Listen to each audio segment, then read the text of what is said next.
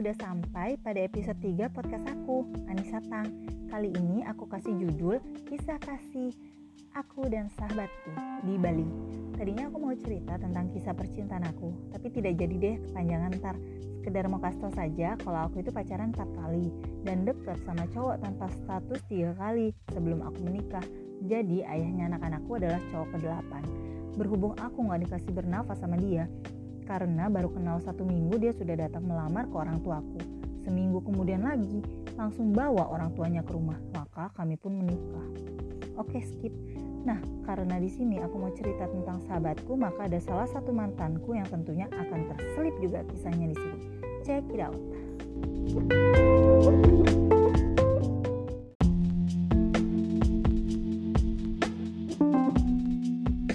Aku dan Siska sebut saja begitu nama sahabatku itu, memutuskan sama-sama kuliah di Bali.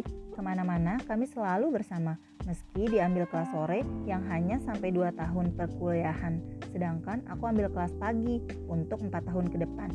Kami juga beda kos-kosan, karena aku nggak punya motor dan nggak bisa bawa motor juga saat itu. Jadi aku memilih kos-kosan yang tidak jauh dari kampus sehingga bisa berangkat dengan hanya berjalan kaki. Beda dengan Siska, Sejak awal kuliah, dia sudah bawa motor. Selama PDSP atau ospek, aku dan Siska selalu berangkat bareng, cari barang bareng, dan sebagainya. Kami itu happy-happy banget menjalankan PDSP meski merangkak di lumpur sekalipun, meski dibentak-bentak kakak-kakak tingkat sekalipun. Eh, tapi aku merasa kalau dulu itu aku termasuk disayang ih sama kakak panitia ospek. Gak pernah aku tuh dihukum yang gimana-gimana ada satu kakak panitia yang katanya orang sih bisek gitu dalam artian dia bisa suka sama cowok dan juga sama cewek. Aku pernah terlambat ospek. Waduh tatapan matanya bikin aku salting karena ngelihatnya nggak kedip gitu. Aku tuh sampai tertunduk dan pengen nangis. Tapi ternyata dia natap aku hanya untuk benerin dasiku sambil ngomong besok jangan telat lagi ya. Terus pas baris aku tuh pernah capek banget dan hampir jatuh pingsan. Teman-teman juga pada care langsung lapor ke kakak panitia ospek dan oleh kakak panitia biasa kami sebut Raka buat yang cowok, Rakanita buat yang cewek. Aku dibawa ke tempat istirahat gitu dan dikasih minum. Pokoknya aku dan Siska nggak mengalami kendala apa pun deh, khususnya aku yang enjoy banget menjalankan ospek selama dua minggu. Selama ospek sih aku masih ditunggui sama mamiku di kos-kosan. Tapi selesai ospek, mamiku langsung balik ke Balikpapan. Dan selama aku dirantau lima tahun, beliau tidak pernah datang karena hemat ongkos. Nah, pada waktu mulai perkuliahan, masalah pun dimulai juga. Hampir tiap malam, teman kosku di lantai dua menggelindingkan barber di lantai tepat di atas kamarku bikin aku nggak bisa tidur. Kebetulan kos-kosan kami campur cewek cowok. Kadang aku sudah mau tidur, mereka nangkring di tembok lantai dua sambil main gitar dan nyanyi rame-rame. Aku juga suka risih kalau keluar kamar dan pergi ke warung sendirian, karena di lantai dua suka banyak anak nongkrong dan melihat ke bawah. Kadang mereka buang sampah juga asal lempar dari lantai dua. Aku juga nyaris gak pernah masuk dapur, karena satu dapur kan dipakai ramai-ramai. Kos-kosanku ada 15 eh 18 kamar loh Syukurnya Siska sering main ke kosku dan suka ngajak aku pergi keluar untuk cari makan, cari makan di PKL di Siligita. Kebetulan kan lumayan kalau ke Siligita harus pakai motor. Aku nggak pernah sebenarnya minta Siska buat datang terus karena memang aku kan orangnya sungkan, eh, nggak enak mau ngomong. Padahal aku ya padahal aku juga kadang butuh tapi aku sungkan kalau mau ngomong gimana nggak enak aja tapi aku jadi terkesan meskipun aku nggak pernah ngomong dan Siska dat uh, dengan Siska datang terus memang aku jadi terkesan nebeng sama dia terus. Dan akhirnya menjadikan salah satu teman teman kami buat adu domba kami. Sebut saja namanya Yana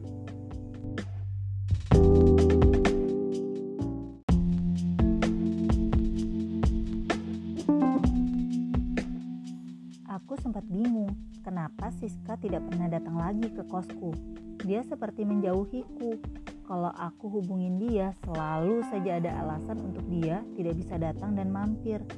Hingga akhirnya dia cerita ke mamanya kalau dia dirongrong oleh Yana untuk memusuhi aku. Jadi, teman kami yang namanya Yana orangnya sangat egois. Entah apa yang menjadi masalahnya dia. Yang jelas dia tidak suka melihat kebahagiaan teman yang lain. Apalagi lihat aku dan Siska yang akrab banget, sampai pacar kami pun sahabatan. Jadi, Yana mengata-ngatai Siska sebagai bayanganku, padahal Siska yang punya motor. Maksud Yana, Siska jangan mau menjadi dayangku. Kebetulan, kan saat itu ada kakak tingkat yang naksir aku, dan kami pun pacaran. Kebetulan aku kan masih suka ngajak Siska kalau lagi dating sama pacarku jadi pacarku sebut saja Komang nama disamarkan ya. Suka ajak sahabatnya juga yang namanya Rio. Eh sini juga nama samaran. Akhirnya Siska pacaran sama Rio. Jadi kami pun sering double date. Mungkin Yana lihatnya agak gimana gitu kali ya. Sampai dia khusus-khusus manggil Siska buat interogasi dia dan minta dia musuhi aku jauhi aku. Pokoknya si Yana ini bosi banget. Pernah loh kami satu kos-kosan dipaksa minum air dukun atau balian waktu HP-nya hilang. Kebetulan padahal HP ku juga jadi salah satu yang raib juga. Jadi ada sekitar 6 HP yang hilang dalam artian di antara kami adalah malingnya. Jadi kami semua disuruh minum air dari balian. Sementara timnya Siana nggak ada yang minum. Kami sempat nggak mau minum. Tapi bak mafia Yana dan timnya menutup pagar lockdown gitu dan berteriak yang keluar adalah malingnya gila nggak padahal malam itu ada dua teman cowok kami yang ngajak keluar. Akhirnya jam 11 malam kami nongkrong di pantai legian buat curcol ngomel dan teriak-teriak karena kesal.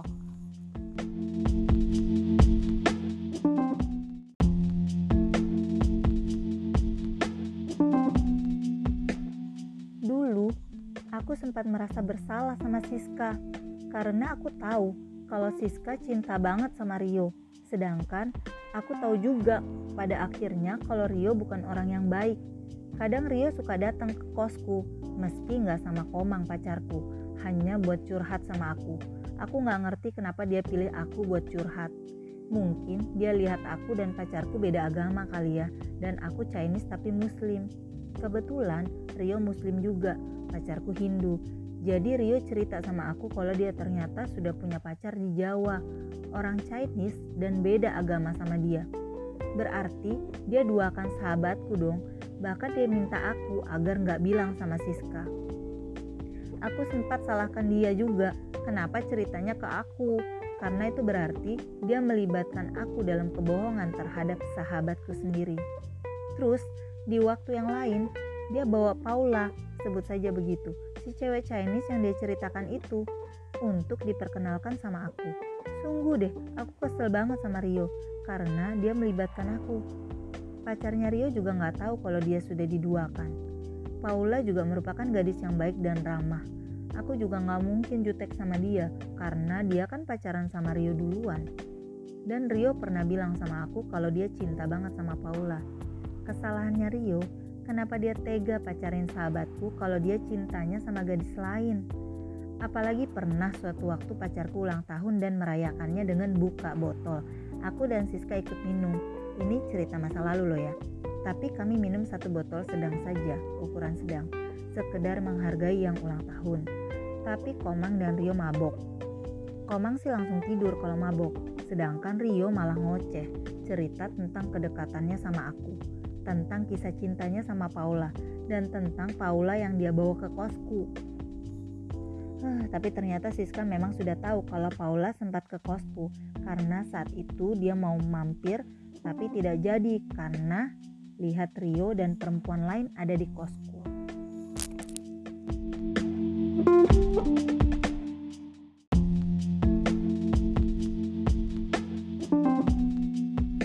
Siska dan Rio sempat putus Sementara aku dan pacarku sempat renggang juga hubungannya.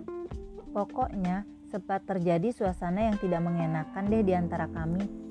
Pernah waktu bulan puasa, aku yang belum beli panganan buka puasa mendadak diajakin sama Rio. Tahu sendiri kan kalau Rio itu suka kayak jelangkung nongol di kosku. Ya aku pikir sudahlah ikut saja, toh hanya beli makanan buat buka puasa.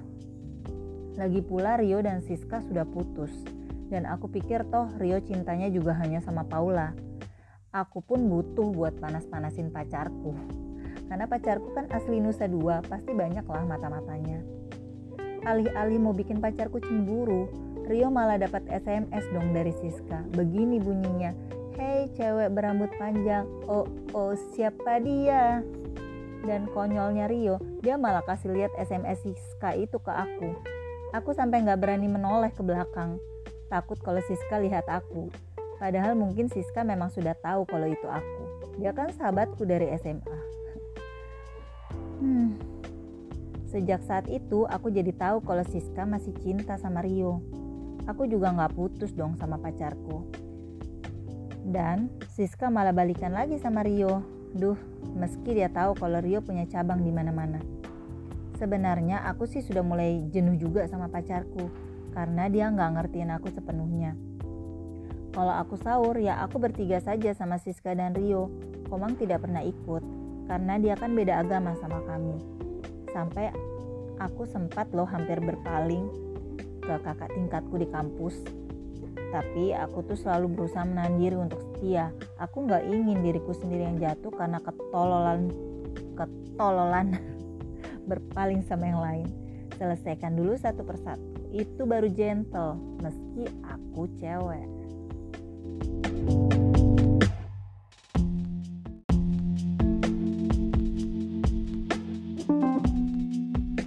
Kehidupan aku dan Siska di Bali memang luar biasa.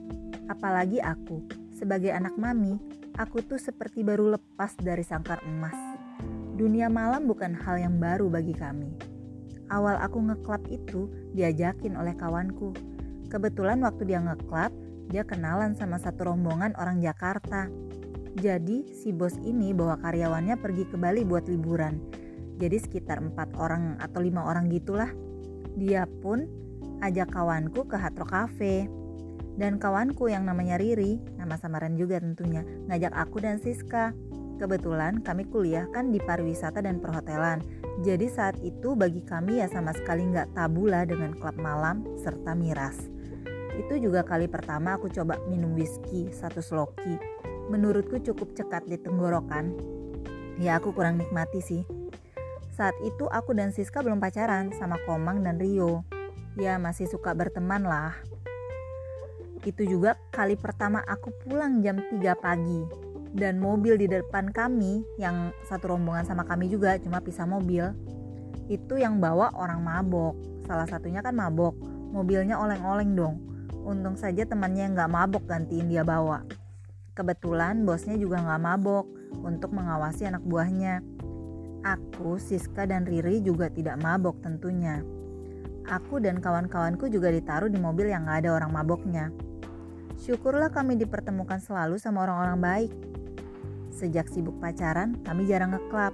Tapi aku dan pacarku pernah ngedate ke PH nonton uh, ular yang ular yang dipertontonkan untuk bule-bule mabuk menari begitu. Jadi menari tidur-tidur sama ular. Duh, aku nggak berani deket, geli banget Aku kan fobia sama hewan melata.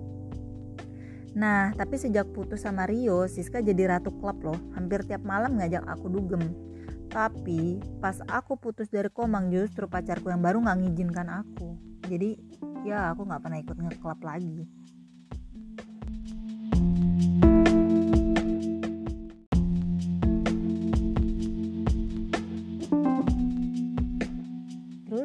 Aku pengen cerita juga nih Kisah horor yang pernah aku dan Siska alami.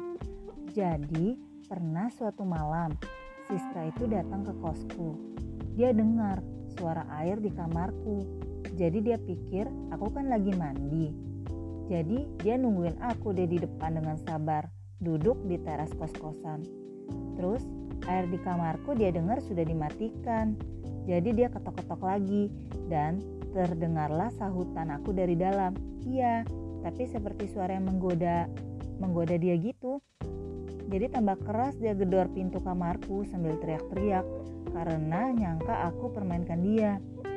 Eh nggak lama saat dia masih gedor-gedor kamarku dengan semangat 45, tahu-tahu aku pulang dong. Habis kerja kelompok sama teman-temanku. Salah satu teman cowokku kebetulan yang ngantar pulang ke kos-kosan. Siska itu langsung bengong dan dia pun cerita ke aku Malam itu dia tidur di kosku karena tidak berani pulang ke kosnya.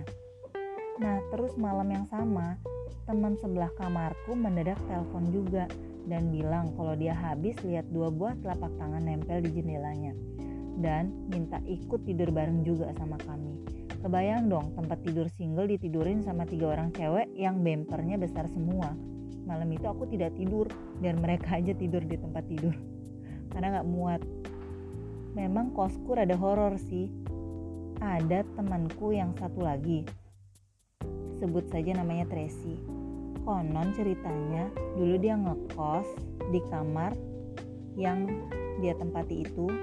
Maksudnya uh, di kamar yang dia tempati sekarang anak kos terdahulu itu pernah gugurkan janinnya kebetulan kami tahu ceritanya juga dari teman yang satu lagi.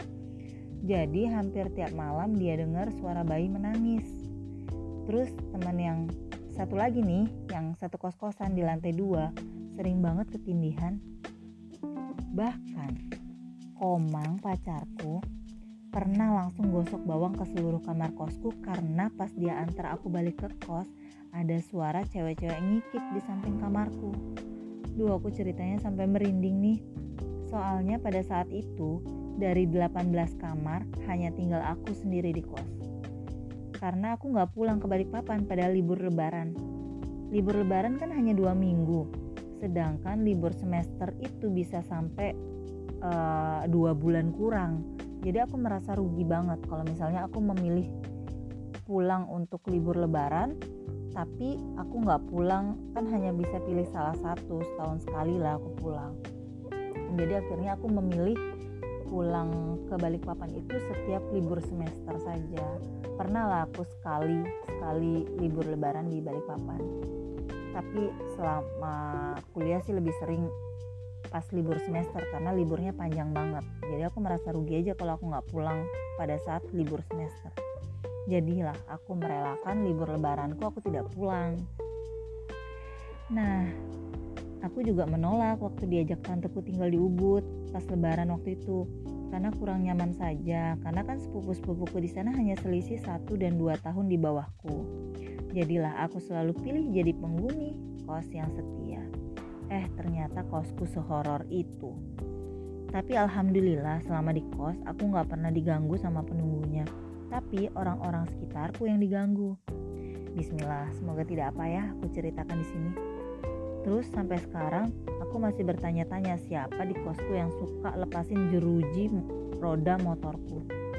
Aku mulai bawa motor sendiri pas semester 5, tapi sering banget ban motor gembos dan jeruji bannya lepas. Pernah juga ada yang nutup katup bensinnya sampai mogok di jalan. Aku kan perempuan, aku nggak ngerti dong kenapa tiba-tiba motorku mogok. Ternyata sampai di uh, tempat isi bensin eceran, tukang bensinnya kan cowok, jadi ngerti lah bapak-bapak. Jadi pas dia lihat, oh ternyata katup bensinnya tertutup. Aku shock dong, berarti dia ngerjain aku. Terus Sepatuku hilang sebelah secara misterius terus-menerus. Karena kesal, aku taruh di depan kamarku sepatuku yang sudah usang, yang sudah waktunya dibuang lah. Baru aku tusuk paku picik dari dalam ke arah luar gitu. Aku pengen lihat reaksi malingnya sih. Nah besoknya bukan maling sebenarnya karena orang yang mau isengin aku aja. Besoknya hilang keduanya, satu pasang sepatu rusak itu hilang dan aku cari ke seluruh kos-kosan akhirnya aku temukan di dalam tong sampah kosku jadi mungkin orangnya kesel karena mungkin kena kali ya ketusuk tapi aku puas banget berarti dia marah karena tertusuk paku picik. Berarti aku berhasil mengerjai dia dong siapa pun orangnya gitu. Ya begitulah suasana kos-kosku kos-kosanku. Nah intrik antar anak kos tetap ada sampai akhir aku kos di sana. Oh iya, aku belum ceritakan kalau ternyata yang ambil HP ku, HP Yana dan kawan-kawan lainnya itu siapa. Karena ada sekitar 6 HP yang berhasil raib dan satu HP yang akhirnya ketangkap basah. Ternyata teman dekatnya Yana sendiri alias salah satu cecungu yang ikut teriak yang keluar adalah malingnya. Ternyata maling teriak maling. Ketahuannya ketangkap basah pula. HP terakhir yang dia colong telak ditemukan di bawah jok motornya begitulah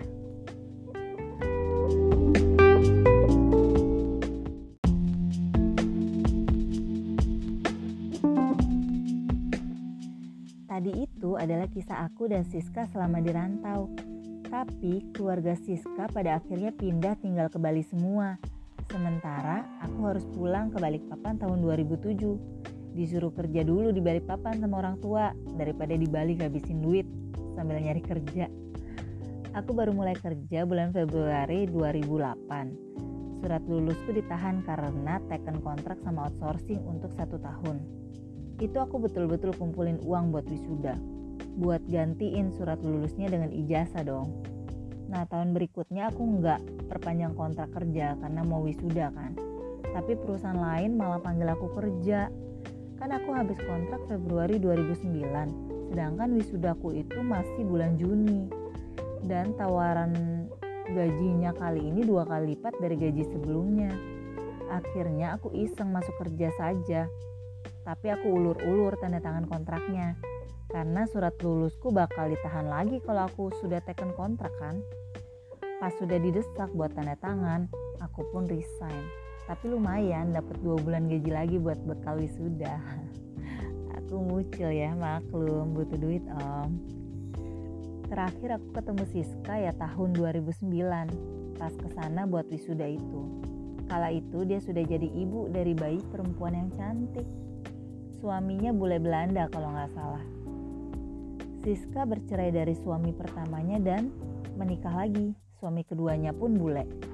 Tapi bule Australia kalau nggak salah. Nah, Siska meninggal karena pendarahan di otak pada saat dia hamil 8 bulan anak keduanya. Jadi anak keduanya belum sempat mengenal mamanya. Alhamdulillah lah bayinya selamat. Sekitar bulan April 2012 kalau nggak salah mamanya hubungin aku buat kasih kabar kalau Siska sudah tidak ada duh aku sedih banget.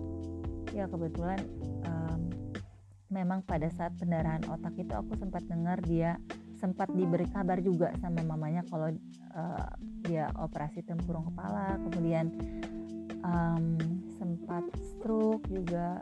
Habis itu ya udah meninggal.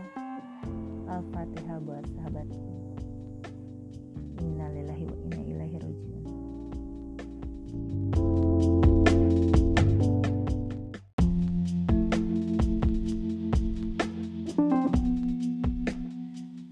barusan adalah kilasan cerita yang ada antara aku dan Siska sahabatku.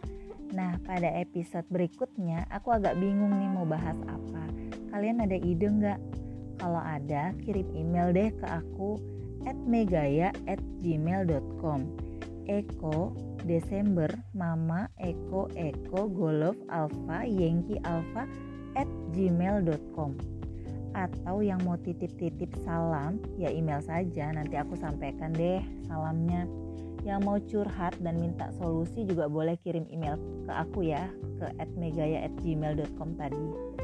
Oke, sampai di sini dulu ya podcastku kali ini. Kita jumpa lagi di siaranku berikutnya. See ya.